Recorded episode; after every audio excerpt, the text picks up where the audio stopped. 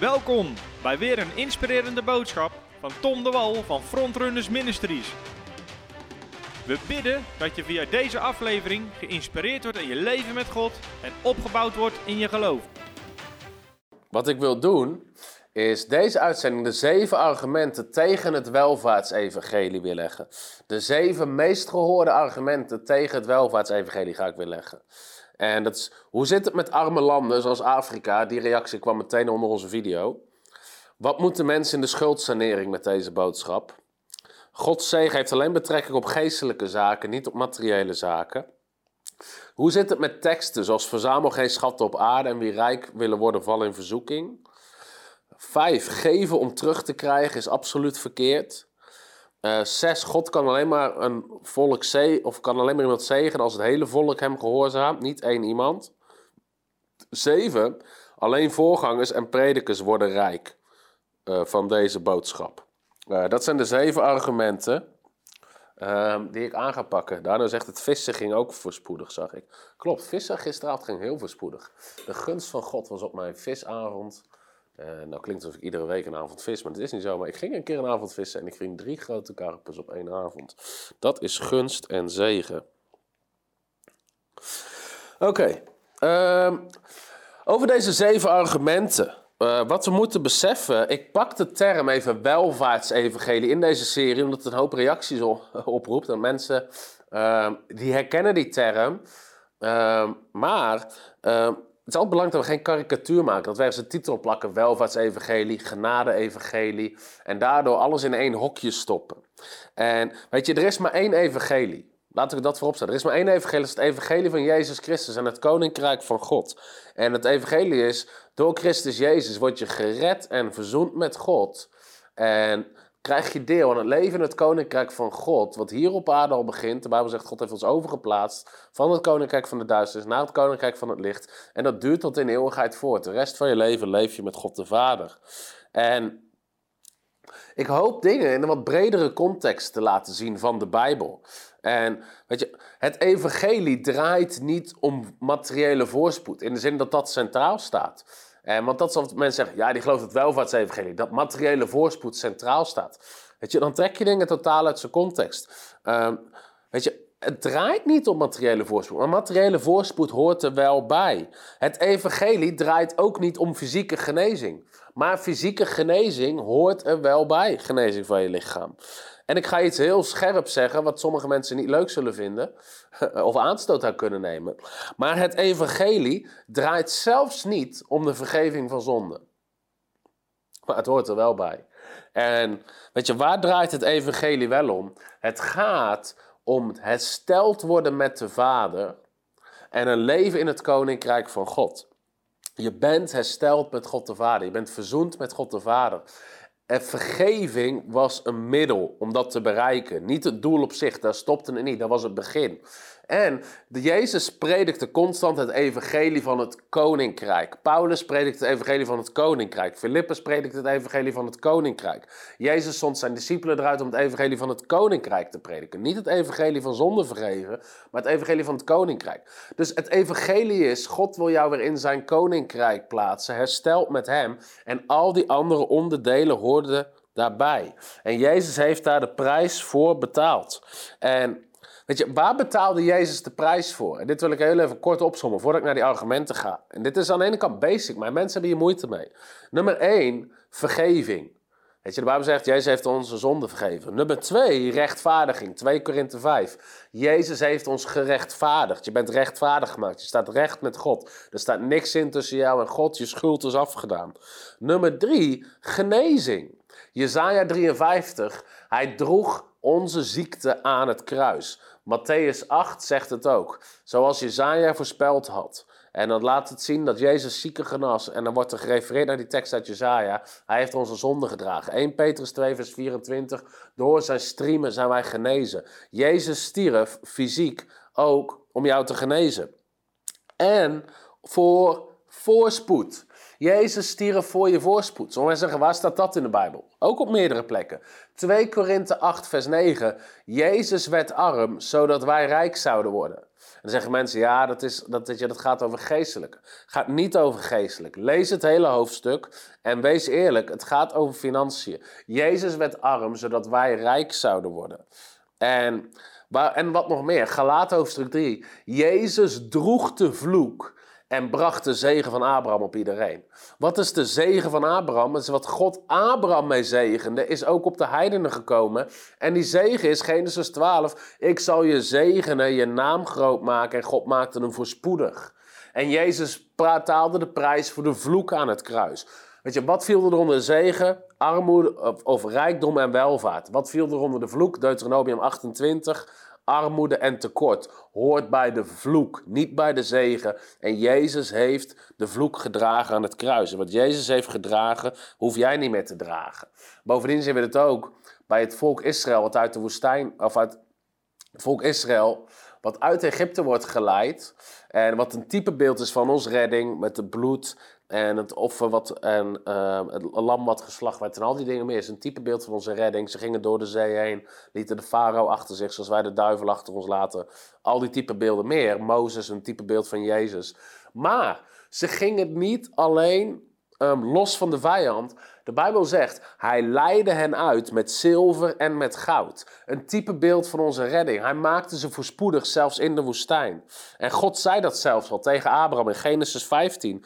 Daar zegt God al dat het volk wat uit hem geboren wordt een tijd van slavernij zal kennen. Maar dan zegt God: Ik zal recht spreken over dit volk. Genesis 15, vers 14. En ze zullen met veel bezit daar wegtrekken. Zie je ook weer dat hoort op bij redding. Dus een aantal argumenten waardoor het, waarom het bij redding valt. De Bijbel zegt het in 2 Korinthe 8 vers 9. Jezus heeft de prijs betaald voor de vloek. De zegen van Abraham op ons leven. En we zien het ook in de type beelden van redding in de Bijbel. Dat even tussendoor. En Jezus betaalde de prijs voor de Heilige Geest om aan ons te geven en dat de machten verslaan zijn. Uh, dus de boze machten, Matthäus 28, waar Jezus zegt, alle macht is gegeven op mij, aan mij. Dus de duivel is verslagen. Dus het is zonde als mensen zeggen, ja, ik wil wel vergeving en rechtvaardiging, maar die materiële voorspoed, nee. Jezus heeft de prijs ervoor betaald. Hij is onder andere daarvoor aan het kruis gegaan. Hij heeft daarvoor de vloek gedragen. Dus hij heeft er al voor betaald. Weet je, ontvangen. Dat is al een heel sterk argument voor welvaartsevangelie. Jezus heeft de prijs betaald voor jouw welvaart. Maar hoe zit het dan met deze zeven argumenten? En de eerste is, hoe zit het met landen zoals Afrika? Hoe zit het met arme landen zoals Afrika? En dat is de nummer één vraag die ik krijg als ik hierover ga onderwijzen. Uh, als God dan wil dat mensen overleven, waarom is er dan zoveel armoede? Kijk maar naar Afrika. Die reactie kwam ook op, onze, op een van mijn vorige video's over dit thema. En daar wil ik een aantal dingen over zeggen. En de eerste is, Kijk niet naar een gebroken wereld en verwacht daar de perfecte wil van God te zien. In andere woorden, is het dan de wil van God dat de mensen in Afrika arm zijn, tekort hebben, honger hebben, dorst hebben, ehm, dat kinderen daar sterven van, van honger en dorst, allerlei erge dingen. Is dat dan de wil van God? Dan zou je zeggen, nee, nee, dat is niet de wil van God dat dat gebeurt. Plak het dan ook niet op Gods wil. Dus zeg dan niet, ja, maar als, als Gods wil overvloed is, waarom gebeurt dat dan? Uh, weet je, dan draai je dingen om. Het is niet het plan van God of de wil van God dat landen leven in armoede. Kijk naar Deuteronomium 15, vers 4, waar God richtlijnen geeft voor Israël, hoe ze als land horen te functioneren. Maar dat is Gods plan, ook voor andere landen. Want het zijn regels uit de wet, waarbij God zegt, als je dit doet, weet je, dan zal het goed gaan. En God zegt in Deuteronomium 15, vers 4, Onder u hoeft er geen armoede te zijn. Want de Heere zal u overvloedig zegenen in het land dat God u geeft. Als u tenminste doet wat ik zeg. En dan geeft God allerlei richtlijnen erover. Maar God zegt, onder jullie hoeft er geen armoede te zijn. Dus armoede is niet het plan van God. Ook niet in Afrika. Dus Afrika laat niet de wil van God zien. Dat moet je beseffen. Jeremia 29 vers 11 zegt God, Engelstaande zegt, I have plans to prosper you. God heeft plannen om je voorspoedig te maken, niet om je arm te maken. En in Deuteronomium 28 spreekt God over de zegen die hij wil brengen over hele volken die hem gehoorzamen. Dus het plan van God is niet dat mensen sterven. Aan armoede, honger, dood, ziekte, tekort, geen drinkwater. Het plan van God voor mensen is genoeg te eten, dat ze een zegen zijn voor de wereld om hen heen, dat ze gezondheid hebben, gezonde kinderen, etc. Maar mensen zeggen, ja, maar hoe kan het dan dat dat daar zo is? We moeten begrijpen, God reageert niet op nood.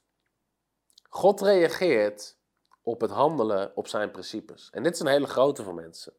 God reageert niet op nood. Mensen zien heel veel nood in Afrika en zeggen nou, ja, maar hoe, kan het nou dat God daar niks aan doet? Hoe kan het nou dat God daar niks aan doet? Dit is het hele ding. God reageert niet op nood. God reageert op geloof. En mensen die met hem samen willen werken. Weet je, anders zou je zelf het argument kunnen zijn. Ja, als God wil dat iedereen gered wordt, waarom zijn er in Europa dan zoveel mensen niet gered? Weet je, die vraag stellen mensen ook niet. Het is de wil van God, maar het ligt niet aan God dat er heel veel mensen niet gered zijn. God heeft er alles aan gedaan. Hij heeft zijn enige geboren zoon gegeven. God heeft er alles aan gedaan. Nu moeten mensen stappen gaan zetten om dat te ontvangen en om uit te delen. Dus zoveel mensen kijken naar een kapotte wereld en plakken dat op de perfecte wil van God. En dus God reageert niet zomaar op nood. In Marcus hoofdstuk 6 waren er veel zieke mensen, maar de Bijbel zegt, Jezus deed daar geen wonderen vanwege hun ongeloof. Ze konden niet geloven dat Jezus het kon doen, ze wilden hem niet ontvangen, ze luisterden niet naar hem, sterker nog, ze stuurden hem weg. En vervolgens kon Jezus daar geen wonderen doen. En dat verhaal laat gewoon zien, God reageert niet op nood. Er waren een hoop zieke mensen, Jezus kon er niks doen, uh, want er was geen ruimte voor hem. Hij reageert niet op nood, hij reageert op geloof. En daar ga ik nog iets anders over zeggen. Deze vraag met hoe, zou, hoe zit het dan met landen zoals Afrika, wordt me bijna alleen maar gesteld door mensen die nog nooit in die landen zijn geweest. Want als je daar bent geweest en als je een tijdje hebt geleefd of je komt er wel eens voor, voor werk of, en wij komen er voor onze bediening om daar campagnes te doen, kerken toe te rusten, voorgangers toe te rusten. We zitten momenteel weer in, een traject om naar Afrika te gaan, uh, einde of in het najaar. Als je Afrika kent en dat soort landen, dan snap je dat geld is niet het probleem. Geld, een gebrek aan geld is niet het probleem. Het probleem zit in hele andere dingen. Afrika zou qua natuurlijke rijkdom een van de rijkste landen ter wereld kunnen zijn. Er zit goud in de grond, zit diamanten in de grond, zitten bakken met olie in de grond. Um, er zitten hele mooie natuurgebieden, toeristische gebieden. Er zitten hele grote gebieden die wel geschikt zijn voor landbouw. Waarom is dat niet zo?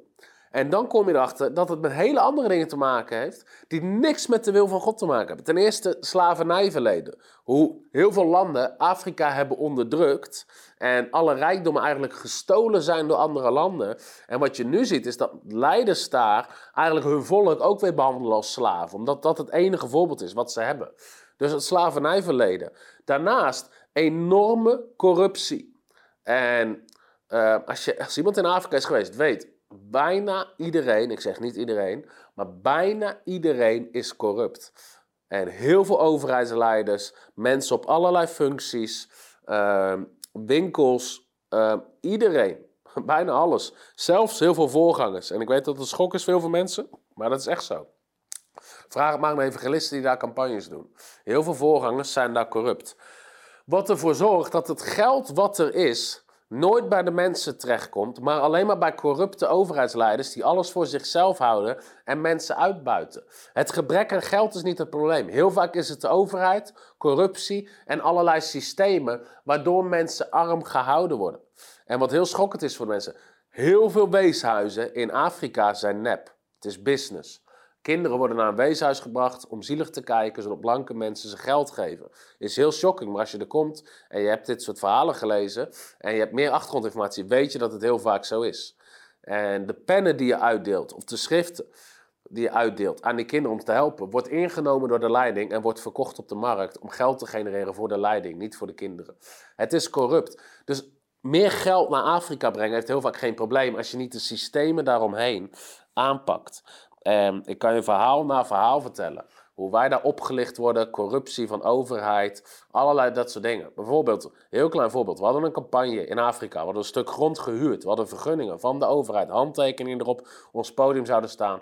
We komen eraan en het hetzelfde grond, stuk grond is ook verhuurd aan een ander en die had eerder opgebouwd. Weet je, dat soort dingen. En dan kan je naar de overheid gaan en zeggen, joh, hier, we hebben een handtekening, we hebben een vergunning, deze datum, deze tijd. Zeggen ze, ja, maakt niet uit, die andere was net iets eerder.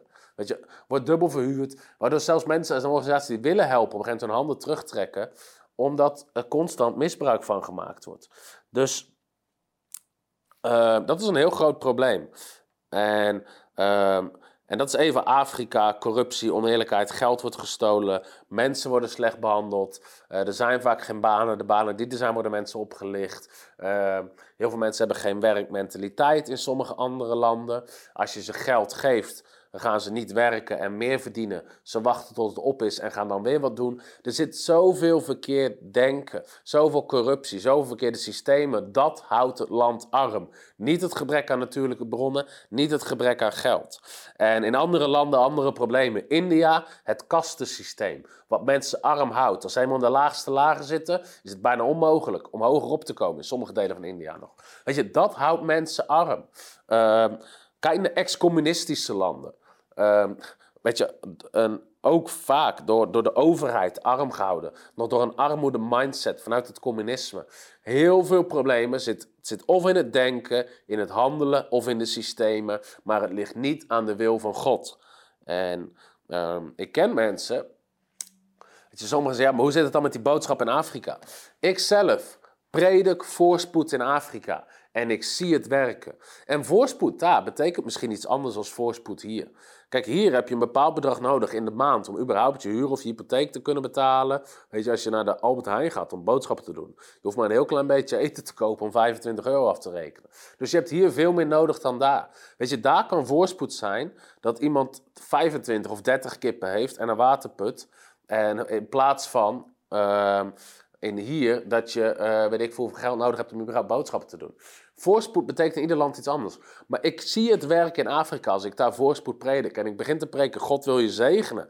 Maar ook God wil het werk van je handen zeggen. Dus ga werken, ga Gods ideeën gebruiken. Ga kijken hoe je iets kan gaan doen, dat je een zegen kan zijn. Allemaal te zeggen, ik zie het werken. Vrienden van mij, uh, weet je, die, die prediken hetzelfde in Afrika. En ze zien het werken. En ik heb ook andere mensen die ik ken vanuit ondernemers die naar Afrika toe gaan en gewoon mensen leren. Afrika, Sri Lanka, dat soort landen, arme, arme landen. En die leren mensen dat God je kracht geeft om vermogen te maken. Dat God het werk van je handen wil zegenen. Mensen die totaal aan de grond zitten, armoede, krijgen in één keer een openbaring. Wacht eens, ik moet iets gaan doen. En ze gaan een bedrijfje starten en ze gaan kijken hoe ze iets kunnen doen. En ze worden voorspoedig. Het werkt. En het werkt in allerlei landen. Dus dat is gewoon, dat is hoe het zit. En het heeft niks te maken met de wil van God. En mensen die dat vragen zijn er vaak nog nooit geweest. We hebben geen inzicht in wat er zich afspeelt achter de landen. En ik kan je heel veel details geven en verhalen, maar ik denk dat het punt duidelijk is. Um, dus dat is hoe zit het met Afrika en dat soort landen. Nummer twee, wat moeten mensen in de schuldsanering met deze boodschap? Wat moeten mensen in de schuldsanering met deze boodschap? De waarheid is, dit is de belangrijkste boodschap voor mensen in de schuldsanering. Waarom? Het evangelie is goed nieuws voor iedereen en altijd. Juist voor mensen in de schuldsanering is dit deel van het evangelie ontzettend belangrijk. Weet je, wat is de boodschap voor een zondaar? God wil je vergeven. Wat is de boodschap voor iemand die gebroken van hart is? God wil je weer heel maken. Iemand die gebroken is emotioneel of emotioneel kapot gemaakt of misbruikt of weet ik veel. God wil je herstellen. Wat is de boodschap voor iemand die ziek is? God wil je genezen. Weet je, het evangelie raakt ieder gedeelte van ons leven. Wat is het goede nieuws voor de armen? God wil je herstellen. Ook op dat gebied. Het evangelie raakt elk gebied van je leven. Dus er zijn heel veel teksten waar God zegt: Ik zorg voor de weduwe, voor de wees. Ik zorg voor de armen. Als je dat gaat toepassen op je leven, ook in die situatie, gaat het veranderen. Eh, er zitten mensen te kijken. En die zijn hier een levend getuigenis van. Die zaten op onze Bijbelschool. En die kwamen in aanraking met dit onderwijs. En ze zaten in de schulden en allerlei dingen en allerlei moeilijkheden. Maar ze pakte deze boodschap van God wil me voorspoedig hebben en het is niet de wil van God dat ik in schulden zit. Laten we daar al eens mee beginnen. Het is niet de wil van God dat je in schuld zit. Waarom? De Bijbel zegt: wie leent, wordt slaaf van de uitlener. Dat is zo, want degene wie jou het geld geleend heeft, die heeft in één keer allerlei zeggenschap over allerlei dingen. Dus de Bijbel adviseert om dat niet te doen. En ik snap dat sommige mensen komen erin terecht zonder een bedoeling, snap ik. Maar mijn punt is: het is niet de wil van God dat, uh, uh, dat mensen in schuld zitten. Deuteronomium 28, onder Gods zegen, niet onder de duivelse zegen, onder Gods zegen zal je uit kunnen lenen, maar niet hoeven te lenen. Dus dat is het plan van God. Het is überhaupt niet het plan van God dat mensen in de schuldsanering zitten. God wil ze eruit helpen. En dat koppel wat bij ons kwam, Weet je, die pakte deze boodschap. God wil niet dat we in schulden zitten. God wil ons zelfs voorspoedig maken. En ze begonnen het toe te passen in hun geloof, in hun spreken. Maar ook in hun financiën, door te zaaien, zodat ze konden gaan oogsten. Door ruimte te maken voor de zegen van God. Allerlei principes die we ze onderwezen gingen ze toepassen. En ze begonnen uit die schulden te breken. Waar ze eerst iedere maand tekort hadden, hielden ze iedere maand geld over. Ehm, door verschillende gunsten uit verschillende kanten werden de grote bedragen van hun schuld afbetaald. Er kwam zegen na zegen na zegen na zegen na zegen. Weet je, die mensen die schuldsanering pakten deze boodschap en hun hele leven is veranderd. En dat is het plan van God. En in de Bijbel, wat, wat moeten mensen in de schuldsanering met deze boodschap? Jezus en God doen constant wonderen in de Bijbel om mensen uit hun schuld te halen. In 2 Koningen 4 uit mijn hoofd lees je het verhaal over de weduwe die in de schulden zit. En ze zegt, de schuldeiser is gekomen om mijn kinderen mee te nemen. Dus weet je, zo diep dat zij kinderen van haar weg gingen nemen. En God deed een groot wonder voor haar. Hij vermenigvuldigde de olie en de meel, en de, uh, of de olie en die grootste en die grootste en die grootste. En het bleef maar stromen en stromen en stromen. En ze kon het verkopen en al haar schulden afbetalen. Dat is de God die ik dien. De God die mensen uit de schuld haalt. Niet die ze erin helpt. En dat is de boodschap die ik predik tegen mensen die in de schuld zitten. God wil je eruit halen. En dat is de zegen van Abraham en de zegen van God. 1 Koningen 17, hetzelfde verhaal. Een arme weduwe die helemaal niks heeft en op het punt staat om te verhongeren. En God doet een groot wonder voor haar, waarvan het ene moment ze niet genoeg te eten heeft. En vijf regels later in het verhaal zegt de Bijbel, en het olie en de meel in de pot raakte niet op, alle dagen. Weet je, van het ene moment niet genoeg naar het andere moment meer dan genoeg dat ze het niet op kon maken. Dat is de God die ik dien, die mensen uit de schuld haalt. Jezus voedt duizenden. Dat is de God die ik dien. Dus hoe mensen zeggen, weet je, hoe zitten mensen in de schuldsanering? Dit is de boodschap die ze nodig hebben. Dit is wat geloof bouwt. Als je in de schuld zit, is dit wat je moet horen. En dan ga je anders bidden. Dan ga je anders spreken. Zeg je, Heer, help me eruit. Heer, ik vertrouw u om eruit te komen. Ik hoorde dit getuigenis van een weduwe. Haar man was gestorven en ze woonde alleen. En weet je, allerlei dingen waren in één keer heel lastig. Die haar man vroeger deed, kon ze zelf niet. Een bizar getuigenis, maar even een mind change. En totdat ze las in de Bijbel. En het verhaal is haar, er lekte iets in haar huis. Uh, waardoor de water naar binnen stroomde. En ehm, en op een gegeven moment zit ze te lezen in de Bijbel en dan leest ze dat God zorgt voor de weduwe en de wees en de armen. En ik ga je zo die teksten wel geven. Ze had twee keuzes. Of ze kon zeggen, als God dan zorgt voor me, waarom lekt mijn dak? Dat is hoe heel veel mensen reageren. Als God wil zorgen mensen, waarom zit er schuld, schuldsanering? Dat is geen geloof, dat is een aanklacht. In plaats daarvan reageerde ze in geloof. En dit is wat ze bad. Zei, Heer, u zegt, u zorgt voor de weduwe. Ik ben een weduwe. Mijn dak is kapot. Ik kan, ik, ga, ik kan het dak niet op om te maken. Ik bid dat u het maakt. Met dat ze het bidt, vanaf dat moment heeft het nooit meer gelekt in huis. Bizarre wonderen. Maar een ander verhaal. Uh, het is een andere manier van reageren. Geen aanklacht, maar geloof. En God wil zorgen voor de weduwe, voor de wees, voor de armen. Dat is het hart van God. Psalm 68, vers 6. Psalm 146 vanaf vers 5 en verder. Ehm, dat is de wil van God. Uh, goed, ga ik nu niet allemaal op in. Maar waarom is voorspoed nog meer belangrijk? En ehm, dit is belangrijk voor mensen in de schuldsanering. God wil jou voorspoedig hebben, zodat jij mensen uit de schuld kan helpen. Daarom is voorspoed belangrijk. Mensen die niet geloven in voorspoed kunnen nooit een zegen zijn voor de wereld om hen heen op het gebied van financiën. Want dan heb je net genoeg of niet genoeg en denk je dat dat de wil van God is. Weet je, ik heb een verlangen in mijn hart om te komen gewoon op plekken. Weet je, als je ziet dat er een nood is en je gewoon die hele nood kan afbetalen. En zeg, joh, weet je wel, ik baalde ervan een aantal jaar geleden. Ik was in uh, Oekraïne om te prediken. We deden een hele conferentie en uh, een heel aantal diensten in een weekend. En op een gegeven moment, ik zat door te vragen bij die voorganger van, hoe gaat het nou echt met je kerk? En hij vertelde me, joh, we hebben een... Uh, we hebben ons andere gebouw, of er was in ieder geval iets misgegaan. In een traject of met een aannemer, failliet, ik weet het niet. In ieder geval, ze hadden 10.000 euro schuld daardoor opgelopen. Dus ze zaten in de schuld. Weet je, ik baalde ervan dat ik niet voorspoedig genoeg was om tegen die voorganger te zeggen: zo'n oprechte man, zo'n hart voor God, zo ijverig. Om gewoon te zeggen: joh, hier is 10.000 euro, je schuld is afbetaald. God zegen en succes met het bouwen van zijn gemeente. Dat is wat ik had willen zeggen. Ik zat niet op het niveau dat ik dat kon doen. Dus ik kon het niet doen. Maar God wil ons voorspoedig maken, zodat we dat wel kunnen doen. Zodat we een zegen kunnen zijn om de wereld om je heen. Dat we gewoon hadden kunnen zeggen, joh, hier heb je 10.000 euro. Weet je, consider de schuld done. Het is geregeld. Je hoeft je daar geen zorgen over te maken. Richt je gewoon op het bouwen van je kerk. Weet je, dat is het niveau waar ik wil komen. En daarom is voorspoed belangrijk en geen armoede denken. Oké, nummer drie. De zegen gaat alleen over geestelijke zaken, niet over materieel. Eh, fout. Weet je, als je dit gelooft, wil je niet geloven in voorspoed, wat de Bijbel ook zegt. De Bijbel zegt in Genesis hoofdstuk 13, God zegende Abraham. En de zegen in het Oude Testament is dezelfde zegen als in het Nieuwe Testament. Er is maar één zegen. Dat is de zegen die God meegaf in Genesis hoofdstuk 1 aan de mens. God zegende de mens.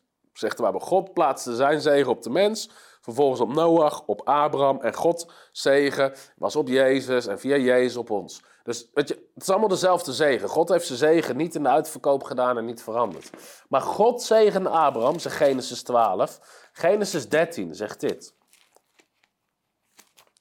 Genesis hoofdstuk 13. Vers 2.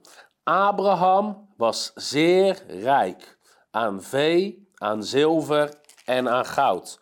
Abraham was zeer rijk aan, aan vee, aan zilver en aan goud.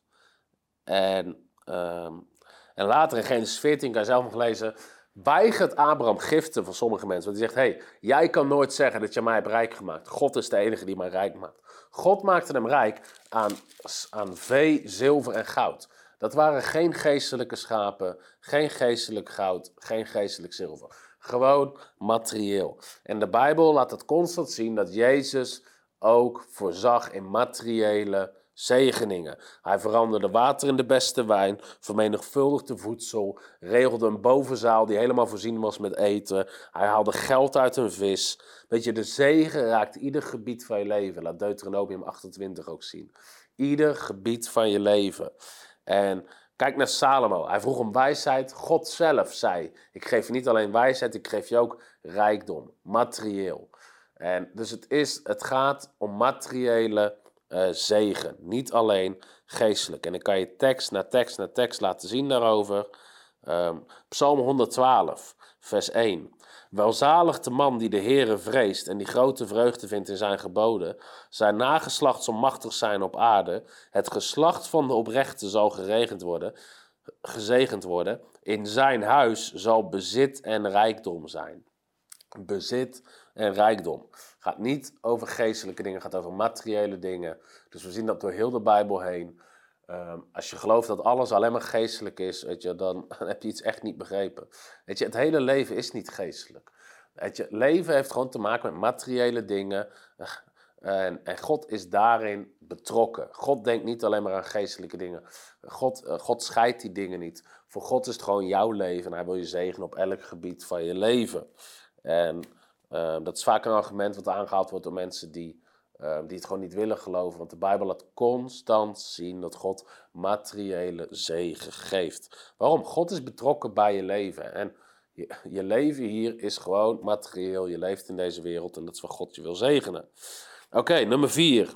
Deze heb ik iets korter gedaan.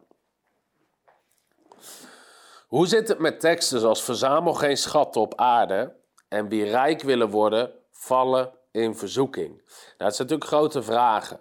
Maar wat ik ten eerste wil zeggen is, kijk sowieso naar de grotere context in de Bijbel. En ga niet doen aan tekstje pluk. Want dan kan je zeggen, ja, de Bijbel zegt verzamel geen schatten op aarde.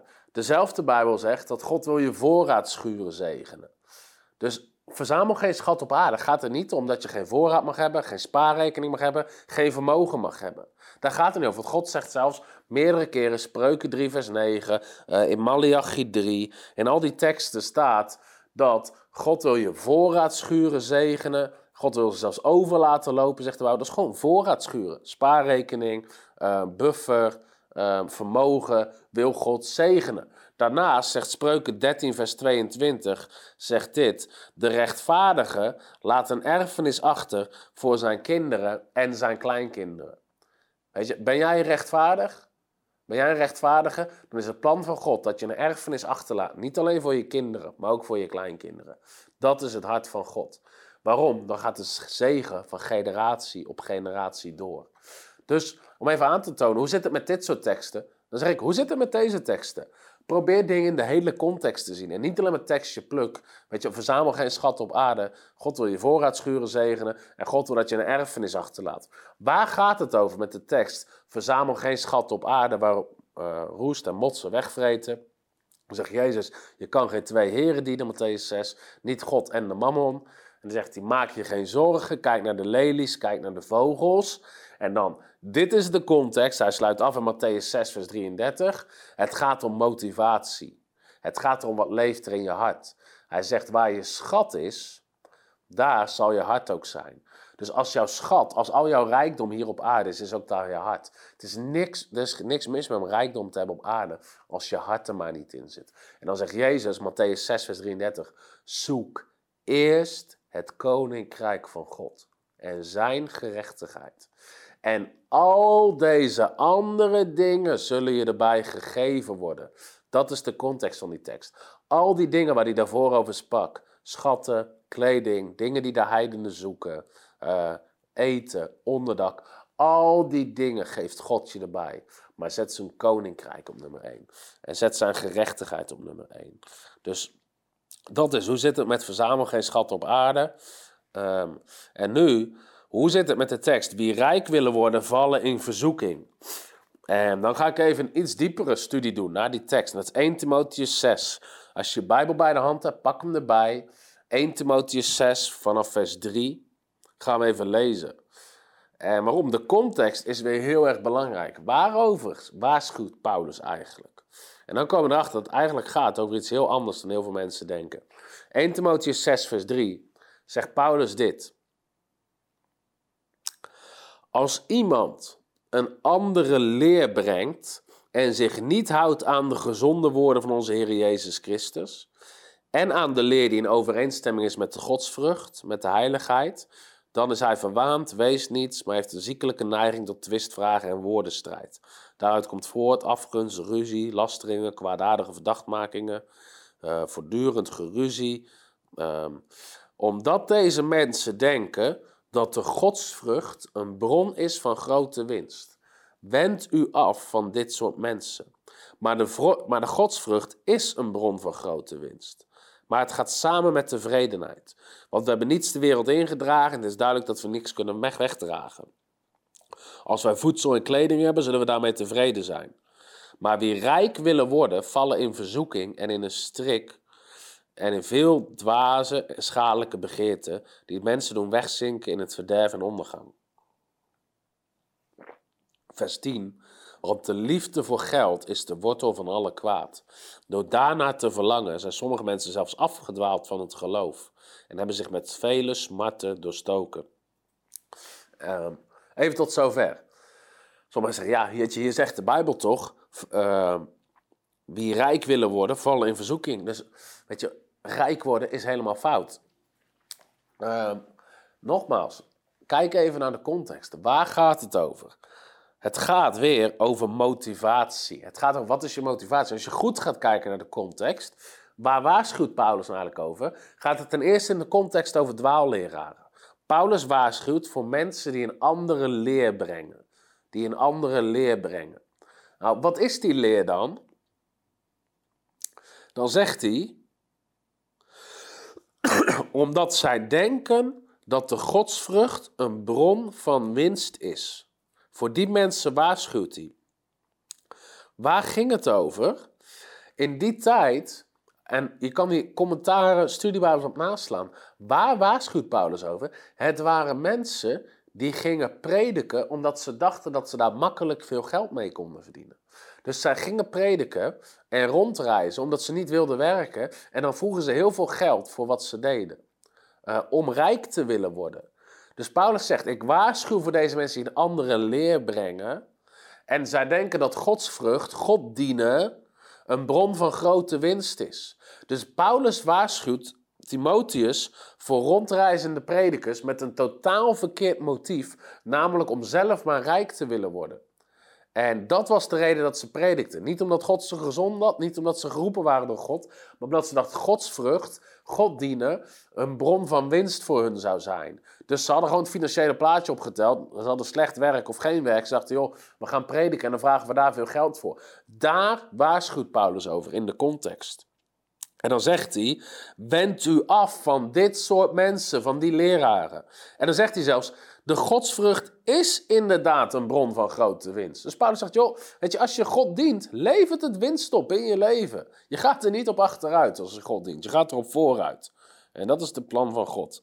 Dat je, voorop, dat je vooruit gaat als je Hem dient. Dat mensen kunnen zien dat je met God wandelt. En hij zegt: vergezeld met tevredenheid. Want we hebben niks de wereld ingedragen en we kunnen ook niks meenemen. Dus Paulus dingen in de context. Als je voedsel en kleding hebt, zul je daarmee tevreden zijn.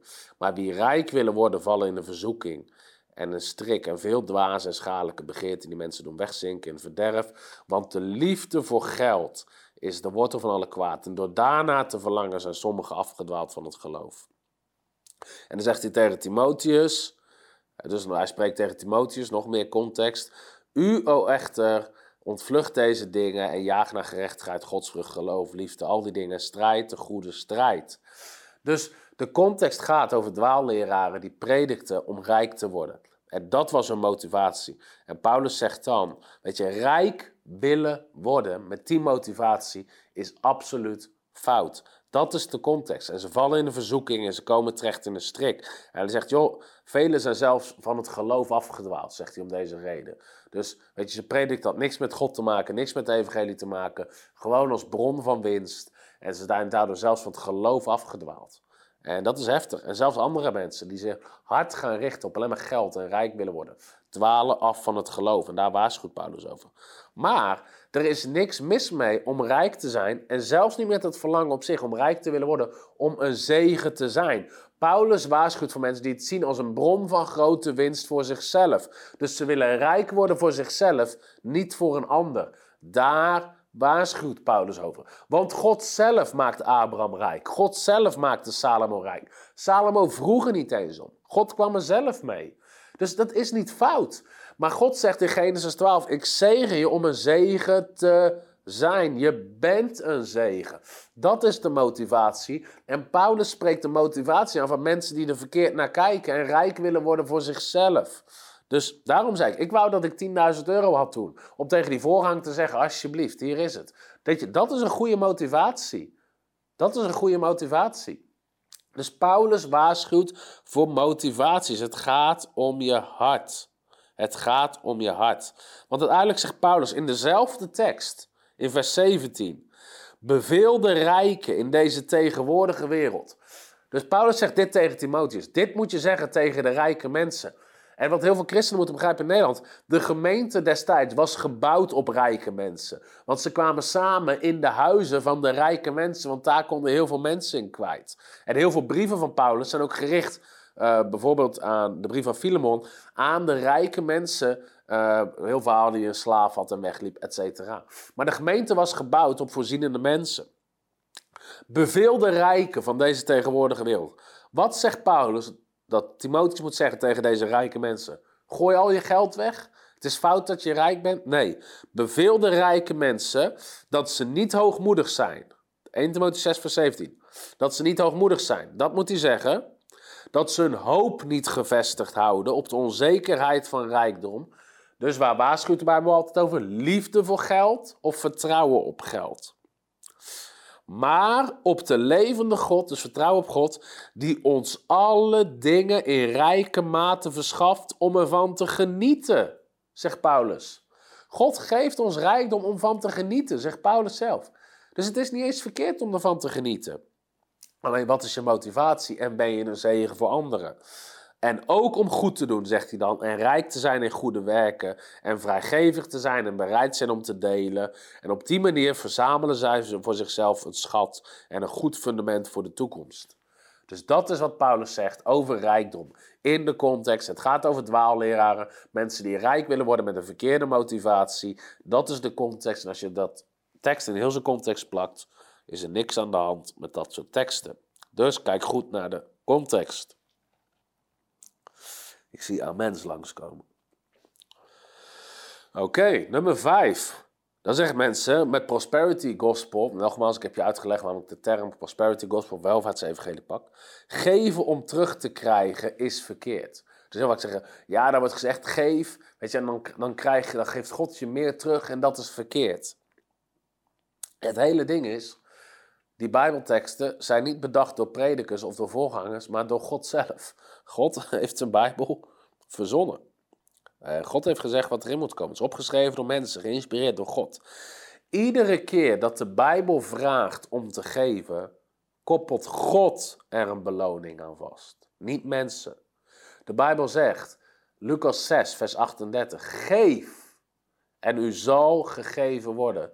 Een goede, vastgedrukte, samengestelde, overlopende maat zal ik u geven. Dus God zegt zelf: geef en ik zal je geven. Spreuken 3, vers 9. Vereer de Heer met je bezit en met de eersteling van je opbrengst. Weet je, en dan zegt de Bijbel: dan zullen je schuren overlopen. Dus God zelf. Je kan geen tekst vinden in de Bijbel met een oproep om te geven zonder een beloning eraan vast. 2 Korinthe 9, vers 8. Wie weinig zaait, zal weinig oogsten. Wie veel zaait, zal veel oogsten. God zelf koppelt oogst eraan vast. Dus geven om terug te krijgen is niet verkeerd. Waarom? God zegt het zelf. Geef en je zal gegeven worden. En waarom? Omdat de Bijbel zegt, God geeft meer zaad aan de zaaier, 2 Korinthe 9. Dus als je meer krijgt, kan je weer meer geven en kan je een grotere zegen zijn. Daar gaat het om. Sterker nog, God wil dat je terugverwacht, want zo heeft God het ingesteld, zaaien en oosten. God heeft dat bedacht. Weet je, kijk naar Elia in 1 Koningin 17, bij die weduwe komt, ze heeft nog één maaltijd. En Elia, de man van God, zegt, geef dat aan mij. En dan zegt hij niet, en je mag niks terugverwachten, dat is fout. Nee, hij zegt, geef dat aan mij. En God zal een wonder voor je doen. En God doet een groot wonder voor je. Dus dat is gewoon de manier waarop God het bedacht heeft. Jij zegt zelf, geef en je zal gegeven worden. Ik ga het andersom zeggen. Geven zonder te verwachten iets terug te krijgen is verkeerd. Waarom? God belooft je iets terug te geven. Dus je gooit een gedeelte van Gods belofte weg. Als jij zegt, ik hoef niks, ik hoef niks. Het is valse nederigheid, want God belooft het je. En je motivatie is om het koninkrijk te bouwen, om een zegen te zijn, om liefde te geven. Weet je, dat is je motivatie, maar er zit een beloning aan gekoppeld. God is een beloner. Hebreeën 11, vers 6. Geen berover. God is een beloner. Amen.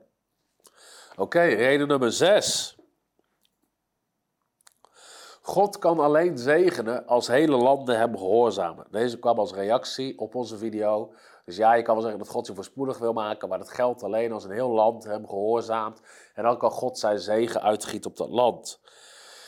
En ik snap, het helpt als een heel land wandelt in Gods principes, zoals ik dat over Afrika, et cetera. Als dat soort landen gewoon gezonde principes gaan toepassen, gezonde systemen, zal het land gezegend worden. Maar zelfs als het hele land niet doet, ben jij speciaal voor God en wil God jou zegenen te midden van dat land. En dat laat de Bijbel constant zien. Dus de weduwe in 1 Koningin 17, het hele land was in hongersnood. Zij kregen financieel wonder van God. Genesis 26. een hongersnood in het hele land. En Isaac kreeg een financieel wonder van God. En in plaats van net te overleven, bloeide die totaal op en had hij totale voorspoed. En de zegt, hij werd rijker en rijker, totdat hij schatrijk was geworden. In de hongersnood, te midden van de rest van het land. Uh, tekst na tekst na tekst kan ik je geven. Maar het punt is, we zien dat God individuen zegent en met hem samen wil werken. En te midden van de rest kan God jou machtig zegenen en gebruiken en voorspoedig maken. En dan is wat de rest doet niet eens zo interessant, want de zegen van God is op jou. En dat zie je dus ook in heel de Bijbel. En ik ken mensen in Afrika die zeer voorspoedig zijn, te midden van grote armoede, omdat ze wandelen in Gods principes, Gods vertrouwen voor voorziening, God het werk van hun handen zegent, ze eerlijk werk doen en God vertrouwt ze steeds meer toe. Dus in alle arme landen ken ik mensen die Gods principes toepassen en daardoor hoog gezegend worden. Dus je kan niet als excuus gebruiken. Weet je, dat was iemand die dit zei, die leefde in Nederland, een van de rijkste landen. Ja, de meeste Nederlanders dienen God niet, dus God kan mij niet zegenen. God is niet afhankelijk om jou te zegenen op basis van wat andere mensen doen. Alleen op basis van wat jij doet. Oké, en nu nummer 7, en die hoor je ook heel vaak. Ik denk dat je nummer 1 over arme landen en nummer 7 het meeste hoort. Um, ik las er van de week nog in een artikel. Alleen voorgangers en predikers worden rijk van deze boodschap van Prosperity Gospel en zaaien en oogsten. Nou, de mensen die dit zeggen zijn altijd mensen, ten eerste die de boodschap niet begrijpen en die geen geloof hebben. Waarom? Ze benadrukken alleen het aspect van geven. Weet je, ze doen een oproep om geld te geven. Weet je, predikers lezen de Bijbel voor. weet je, Jezus zelf zegt geef en u zal gegeven worden. Paulus zegt zelf saai. Dus Jezus, Paulus doen oproepen om te geven. Paulus haalde collectes op. Paulus haalde offers op. Weet je, dat is niet iets wat predikers in de 21ste eeuw hebben uitgevonden in West-Europa om geld te verdienen. Het is Gods systeem om bedieningen en kerken te financieren. Bovendien benadrukken ze alleen maar het nadeel van geven en niet het deel van ontvangen. En hechten ze daar geen geloof aan. Weet je wel? Die en die gaf zelfs 500 euro. Weet je wel? Ze vroegen. Weet je, allemaal dat soort dingen. God belooft een beloning aan de gever. En dit is wat je moet begrijpen. De Bijbel zegt: het is gezegender om te geven dan te ontvangen. En God belooft de beloning aan de gever, niet aan de ontvanger. God belooft de beloning aan de gever, niet aan de ontvanger. Dus de beloning die God zelf belooft, is niet aan de gever, maar aan de ontvanger. Bovendien, kijk naar het verhaal van de weduwe in 1 Koningen 17 met Elia. Elia komt daar en geeft en vraagt. Hij vraagt zelf om de allerlaatste maaltijd aan een weduwe. Nou, als een prediker dat vandaag de dag zou doen, staat hij morgen op alle kanalen, op CIP, op Telegraaf, op Nieuwsuur. Prediker vraagt, weet je, prediker vraagt geld van een arme weduwe. Elia vroeg geld van een arme weduwe. En nogmaals, ik zeg niet dat je dat moet doen. Weet je, wij vragen nooit mensen direct om geld. Maar Elia deed dat wel. Maar goed dat Elia vandaag niet had geleefd, dan stond hij op CIP, de Telegraaf en al die dingen. In ieder geval, zij geeft. Wie werd er rijk in dit verhaal? Elia of de weduwe? De weduwe. God deed zo'n groot financieel wonder voor haar dat de olie en de meel in de pot niet opraakte. Elia werd één maaltijd rijker. Maar de weduwe, die werd, weet je, die werd gezegend door het geven. En dit zie je heel vaak nou. Degene die geeft, die wordt gezegend. Dus weet je, dat, dat is hoe Gods systeem werkt. En Gods bedoeling is dat degene die geven gezegend wordt, niet degene die ontvangt. Ook, ga ik zo meteen iets over zeggen. Weet je, ik kreeg laatst nog een getuigenis toegestuurd van iemand. Ik sprak in een dienst en ze haalden een offer op voor frontrunners. En zij vroeg zelf, die, die vrouw die in de zaal zat met een gezin, vroeg, heer, hoeveel moet ik geven? En God sprak tot haar. En ik, ik wist helemaal niks hiervan. Maar ze zaten diep in de schulden. Ze hadden uh, heel veel schuld. En God sprak tot haar om 35 euro te geven. En dat was alles wat ze hadden die maand om boodschappen te doen. Voor heel hun gezin. Bizar. Weet je, daar kon ze eigenlijk niet van rondkomen. Dus we moesten allerlei andere dingen. En weet ik veel, voedselbank, dat soort ingewikkelde dingen. Maar dat is wat ze hadden om rond te komen. Alle boodschappen te doen van die maand. En God zei, geef het. En ze gaf het in geloof. En binnen twee maanden waren ze compleet uit de schuld. Zei, toen ik dat gaf, Iemand betaalde onze schulden af. Mijn man kreeg promotie. Dit gebeurde, dat gebeurde, dat gebeurde. Zij gaf en ze oogste honderdvoudig. God hielp er uit de schulden. Bizar getuigenis. Maar zij werd gezegend. Werd ik rijk van die 35 euro? Nee. Weet je, zij werd gezegend. En bovendien is het zo. Het is kort door de bocht. Alleen voorgangers en predikers worden rijk van deze boodschap. Weet je, bovendien, dat is heel kort door de bocht. In sommige landen uh, is het inderdaad zo dat voorgangers alle offers houden die ze krijgen. Uh, en dat vind ik slecht rentmeesterschap. Weet je, in mijn geval en in, in Nederland misschien wel 100%, of nou goed, laat ik dat niet zeggen, maar uh, ik kan niet iedereen, maar 95% van de voorgangers en de sprekers worden geen euro rijker van de giften, omdat er gewoon goed rentmeesterschap is. In die zin Um, sowieso, de meeste voorgangers die ik ken in Nederland zijn niet rijk en sprekers. Men zeggen, weet je, alleen de prediker wordt daar rijk van. Zo heel veel rijke predikers zijn er niet in Nederland. Dat is een andere zaak. Um, maar, weet je, in mijn geval, weet je, al geeft iemand vandaag een miljoen aan Stichting Frontrunners. Ten eerste hebben we plannen liggen waar we het voor gaan gebruiken. Die plannen hebben we gewoon op de plank liggen. Waar we gaan uitbreiden. En weet je, we staan in geloof voor dat soort bedragen om nog veel grotere dingen te doen. En goed, ga ik deze uitzending niet over vertellen. Maar al geeft iemand een miljoen, of 10 miljoen, of 20 miljoen, of 50 miljoen. Al wordt op dit moment 50 miljoen overgemaakt naar Stichting Frontrunners. Morgen komt er geen euro extra op mijn persoonlijke rekening. Volgende maand niet. De maand daarna niet. Het jaar daarna niet. Ik krijg gewoon mijn vaste salaris. Weet je, dat is, weet je, wordt bepaald door het bestuur, je raad van toezicht.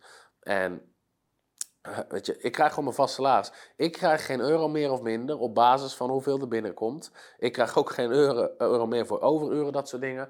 Weet je, dus mensen zeggen, ja, alleen de prediker wordt er rijk van. Weet je, ik word er niet rijk van. En heel veel organisaties, heel veel voorgangers worden ook echt niet rijk als je meer geeft. Weet je, ze hebben ze gewoon geregeld, die krijgen gewoon een vast salaris. dus dit is ook een onzinargument. En, maar het is wel Gods bedoeling dat mensen die fulltime het evangelie prediken, er goed van kunnen leven. Jezus zendt zijn discipelen uit. En in Lucas 22, weet je, dan komen ze, uh, dat je vraagt Jezus, hebben jullie iets tekort gehad toen ik jullie uitzond? En ze zeiden, nee heer, aan niets. Het is Gods plan dat zij die leven voor het evangelie in niks tekort schieten. En er is wel eens een gezegde van heer, als u hem nederig houdt, houden wij hem arm. In sommige kerken voor de grap. In, andere woorden, we geven niks aan onze voorganger. Weet je, en dat is kwalijk en niet goed. Waarom? De Bijbel zegt dit in 1 Timotheus 5, vers 17. Laat ouderlingen of leiders die goed leiding geven, dubbele eer waard geacht worden. Vooral degenen die arbeiden in het woord en in de leer. Want de schrift zegt, een dorsende os mag u niet muilkorven en de arbeider is zijn loon waard. Dus, hier zegt de Bijbel in 1 Timotheus 5, 17, de mensen in de gemeente die het woord van God prediken, horen dubbel beloond te worden, dubbele eer te krijgen. Want de Bijbel zegt, een dorsende os mag u niet muilkorven. Muilkorven wordt in principe gepakt uit het Oude Testament. Een os die aan het werk was, mocht je geen muilkorf opdoen dat hij niks kon eten. In andere woorden, hij moest goed kunnen eten terwijl hij aan het werk was. Hij moest er goed van kunnen eten. En dat principe wordt toegepast op predikers. Het is niet terecht om predikers ehm, te laten arbeiden in het woord en in de leer en ze niks te geven. Ze moeten er goed van kunnen eten. Waarom? De Bijbel zegt, de arbeider is zijn loon waard. En deze tekst, Paulus zelf spreekt over een dubbele beloning geven aan degene die prediken. Dubbele beloning, dubbele eer. Spreekt over financiën. In 1 Korinthe 9 zegt Paulus dit. Weet je, dit is in Nederland. Hier hoor je nooit bijna iemand over prediken. Maar dit is Gods plan voor bedieningen. 1 Korinthe 9.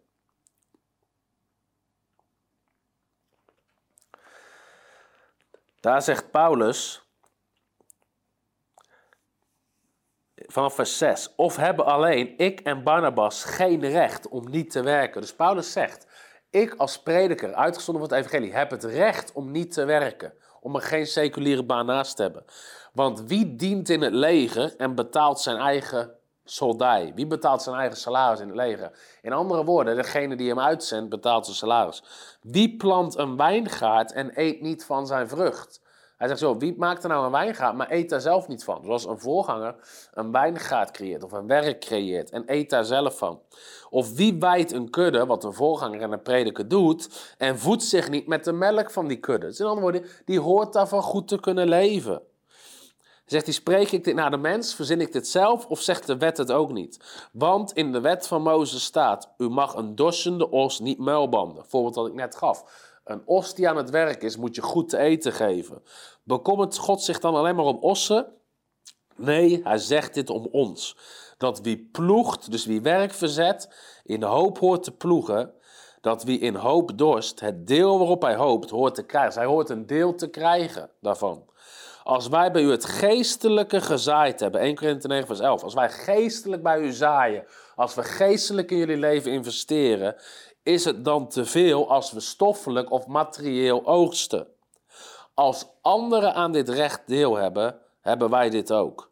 Paulus zegt: Ik heb er alleen geen gebruik van gemaakt. Daar koos Paulus soms voor. Want we wilden geen hindernis opwerpen.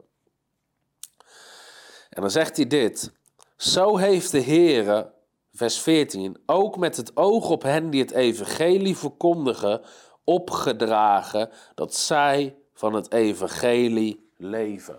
Dat zij van het evangelie leven. Dus het plan van God is dat mensen die het evangelie prediken, er ook van kunnen leven. En dat is Gods opdracht en Gods systeem. En Galaten 6, vers 6 zegt dit. Laat hij die onderwezen wordt in het woord, dus degene die jullie je predikt, in alle goede dingen delen met hem die onderwijs geeft. En de Living Bible zegt: Those who are taught the word of God should help their teachers by paying them. Die horen daarvoor te betalen, die horen daarvoor geld te geven. Dus we zeggen: ja, weet je, de Bijbel zegt dat het evangelie gratis moet zijn. Om niks heb je ontvangen, om niks heb je te geven.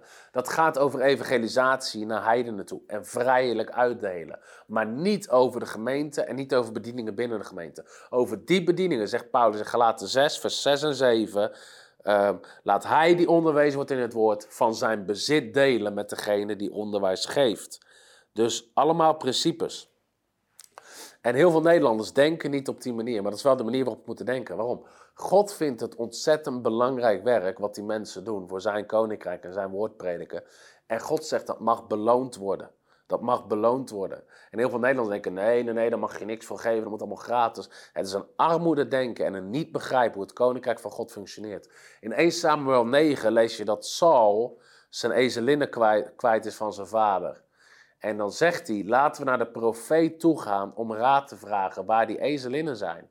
En dan zegt, dat zegt zijn knecht, het allereerste wat Saul zegt. Maar wat zullen we meebrengen aan de profeet om hem te geven? 1 Samuel 9. In andere woorden, hoe kan ik die man van God zegenen? In plaats van Nederlanders, hoe kan ik eruit proberen te komen voordat de collecte wordt opgehaald uit de dienst? Andere manier van denken. Hoe kan ik die man zegenen? Want we gaan gebruik maken van zijn diensten. Hele andere manier van denken. En dit is het ding. Je moet niet besparen op de man van God. Ze horen dubbele beloning krijgen, is wat de Bijbel zegt. En niet ehm, van het moet allemaal gratis. En dus als het gaat om, weet je wel, mensen horen er goed van te kunnen leven als het woord van God prediken. Weet je, dat is de bedoeling van God. En ik ga er iets over zeggen in Nederland, omdat sommige voorgangers horen dit. En dan hoop ik dat ik tot nadenken zeg. In sommige stromingen, als je komt spreken in een kerk, hanteren ze een vast tarief dat je 75 euro meekrijgt bij anderen 125 of 150 euro. Dat is ronduit schandalig en belachelijk. Het is echt belachelijk. Het is een fooi geven. Waarom? Ze verwachten dat je een hele preek voorbereidt. Dus je bent ervoor aan bidden. Je doet een bijbelstudie. Je maakt er een preek van. Laten we zeggen dat je acht uur bezig bent om een preek. Je bent een dag voorbereiding kwijt om die preek te maken. Je moet erheen rijden. Je, meestal is het een uur rijden of zo naar een andere gemeente toe. Dan willen ze dat je iets van tevoren er bent, dat je met ze meebidt, dat je met die dienst daar voorbereidt te plekken. Dan ben je er heel de dienst, dan predik je, achteraf bid je voor mensen, achteraf geef je mensen raad. Weet je, en ben je ook zo weer vijf, makkelijk, en je moet weer een uur terugrijden. Weet je, de dienst duurt twee uur. Je bent makkelijk vijf, zes uur bezig op die dag zelf. Acht uur voorbereiding. Dat is 13 tot 14 uur werk in één dienst. En dan krijg je 75 of 100 euro of 150 euro mee. Als je dat per uur gaat berekenen, kom je uit op 7,70 euro per uur. Dat is ver onder het minimumsalaris wat je wettelijk verplicht bent om te geven. Ver eronder. Dat is hoe gemiddelde kerken, mannen en vrouwen van God, predikers van het evangelie, voorgangers van de kudde behandelen. Ver, ver, ver onder het minimumsalaris. In andere woorden, de minst betaalde beroepen in onze maatschappij geven we nog meer mee dan de man of vrouw van God of de prediker van het evangelie. Weet je, we moeten leren dat het evangelie is waardig om aan te geven. Is waardig om aan te geven. En onder het minimumsalaris betalen is absoluut niet waardig. De Bijbel zegt dubbele eer. Dubbele eer. Weet je, een minimumsalaris is niet wat je geeft aan een prediker van het evangelie. Je moet ze dubbel belonen, zegt de Bijbel. En ik ben blij dat ik hier gewoon likes op krijg. We hebben een goed publiek. Maar echt waar, in veel kerken zijn mensen beledigd als je hier iets over zegt. Of, uh, weet, je, weet je, deze, hier ben ik zo moe van. Weet je, hij predikt zeker voor het geld. Je geeft 150 euro mee. Hoeveel heb je nodig in Nederland om fulltime je gezin van te kunnen onderhouden? Ervan uitgaan in dit geval dat, uh, dat bij heel veel mensen je vrouw niet werkt, omdat je zorgt voor de, vrouw, voor de kinderen, of misschien werkt je vrouw wel, hoe dan ook. Hoeveel heb je nodig in om een fulltime salaris als je werkgeverslasten ervan af moet trekken, heb je bijna 3000 euro nodig als werkgever, of nog veel meer. Want je hebt boven je bruto allerlei werkgeverslasten. Maar laten we even 3000 euro nemen als werkgever, maar het zit erboven. Nou, dat weet ik, want we hebben zelf mensen in dienst naast mezelf. Hoe vaak moet je dan prediken? Als prediker moet je alleen al 25 keer in een maand prediken om überhaupt alleen je eigen salaris net te kunnen redden. Laat staan andere mensen in dienst te kunnen nemen of zelf dingen te organiseren of zendingsreizen te doen. Weet je, in andere woorden, dat is niet te doen. Dan moet je iedere dag ergens prediken uh, weet je, voor dat soort bedragen. Dat gaat nergens over. Dan moeten mensen 300 keer per jaar prediken, alleen maar om de onkosten te dekken. Dan hebben ze verder nog niks bereikt. Toen ze geen zendingsreizen doen, kunnen ze niks. Weet je, dus in Nederland moet er echt in gaan veranderen. En heel veel voorgangers zullen daarin moeten veranderen. De Bijbel zegt, de arbeider is zijn loon waard. De arbeider is zijn loon waard. Dus dat, als mensen zeggen, ja, alleen de predikers worden er rijk van. Ik ken weinig rijke predikers in Nederland, helaas. Weet je, dat, dat is wat we zouden moeten hebben hier. Dat de zegen van God op hun leven is. En dat het te zien is en dat we mannen en vrouwen van God zegenen in plaats van uitbuiten. Bovendien, toen ik jeugdleider was en ik ging onderwijs over zaaien en oogsten. Ik zag heel de jeugdgroep, de jeugdgroep, voorspoedig worden. Ze kregen betere bijbaantjes, sommigen starten eigen bedrijven. Allemaal dat soort dingen. Ze begonnen te oogsten en te oogsten en te oogsten. Zij werden er voorspoedig van. Ik niet. Ik kreeg geen euro. Alle offers gingen naar de kerk. Maar ik onderwees over zaaien en oogsten en God maakte hun voorspoedig. En Gods doel is dat zijn kinderen, uh, psalm, in de psalmen staat, God has pleasure in the prosperity of his servants. God heeft een welbagen in de voorspoed van zijn dienstknechten. Dus het is onzin, argument. Um, daar worden alleen de predikers en voorgangers rijk van. Ik wilde dat meer predikers en voorgangers in Nederland rijk waren. De meesten die ik kennen hebben het financieel zwaar, financieel moeilijk, krijgen een minimumsalaris, moeten daar hun gezin van rond zien te komen. Het is belachelijk, het is om op te spugen. Wat voor beeld geef je mee aan de kinderen van die voorgangers? Ze zouden zelf nooit God. Weet je, er is een aparte naam voor kinderen van voorgangers. Als je aanmeldt op bijbelscholen moet je aangeven of je een PK bent, een pastor's kid. Want kinderen van voorgangers zijn vaak zwaar beschadigd door de kerk, de manier waarop de kerk met hun voorganger omging, hoeveel uren hun vader uh, moet werken. Want overdag hebben ze allerlei gesprekken, moeten ze dingen leiden, overleggen, predikingen maken, onderwijs maken. S'avonds in het weekend moeten ze prediken, pastoraat, huwelijkscursussen, inzegeningen, allemaal dat soort dingen. En heel veel kinderen van voorgangers willen niks meer te maken hebben met God of met de kerk, omdat ze gezien hebben hoe de kerk hun vader behandelt, of omdat ze denken dat dat is wat God van die mensen vroeg. En dat ze amper thuis rond kunnen komen, terwijl hun vader 80 uur in de week werkt. En vervolgens willen die kinderen niks meer met God te maken hebben. Is dat het beeld dat we mee willen geven aan de kinderen van voorgangers en sprekers in Nederland? Ja, jongen, papa dient God. En daarom hebben wij het iedere maand heel moeilijk en zwaar. Of wil je die kinderen meegeven? Mijn vader dient God. Weet je, en daarom hebben we het goed in ons leven. Want mijn ouders zijn mannen en vrouwen van God. Mijn ouders dienen God. Mijn ouders, weet je, hoeden de kudde van God. En daarom hebben we het goed. Ik geloof dat dat de standaard is van God. En dat Calvinistische denken moeten we afscheid van nemen. Amen. Hallo, Tom de Wol hier en bedankt dat je weer geluisterd hebt naar onze podcast. Ik bid dat het je geloof gebouwd heeft en je bemoedigd bent. Als je niet alleen een luisteraar van onze boodschap wil zijn, maar ook een verspreider daarvan, wil ik je uitnodigen om partner te worden van Frontrunners. Door jouw maandelijkse donatie help je ons om dit evangelie van Jezus Christus en het woord van God over heel de aarde te brengen. Om partner te worden, ga naar www.frontrunnersministries.nl slash partners en word partner. Hartelijk bedankt en tot snel. Heb je ook zo genoten van deze inspirerende boodschap van Tom de Wal? Abonneer je dan op deze podcast. Volg ons op Facebook en op Instagram en kijk op onze website frontrunnersministries.nl.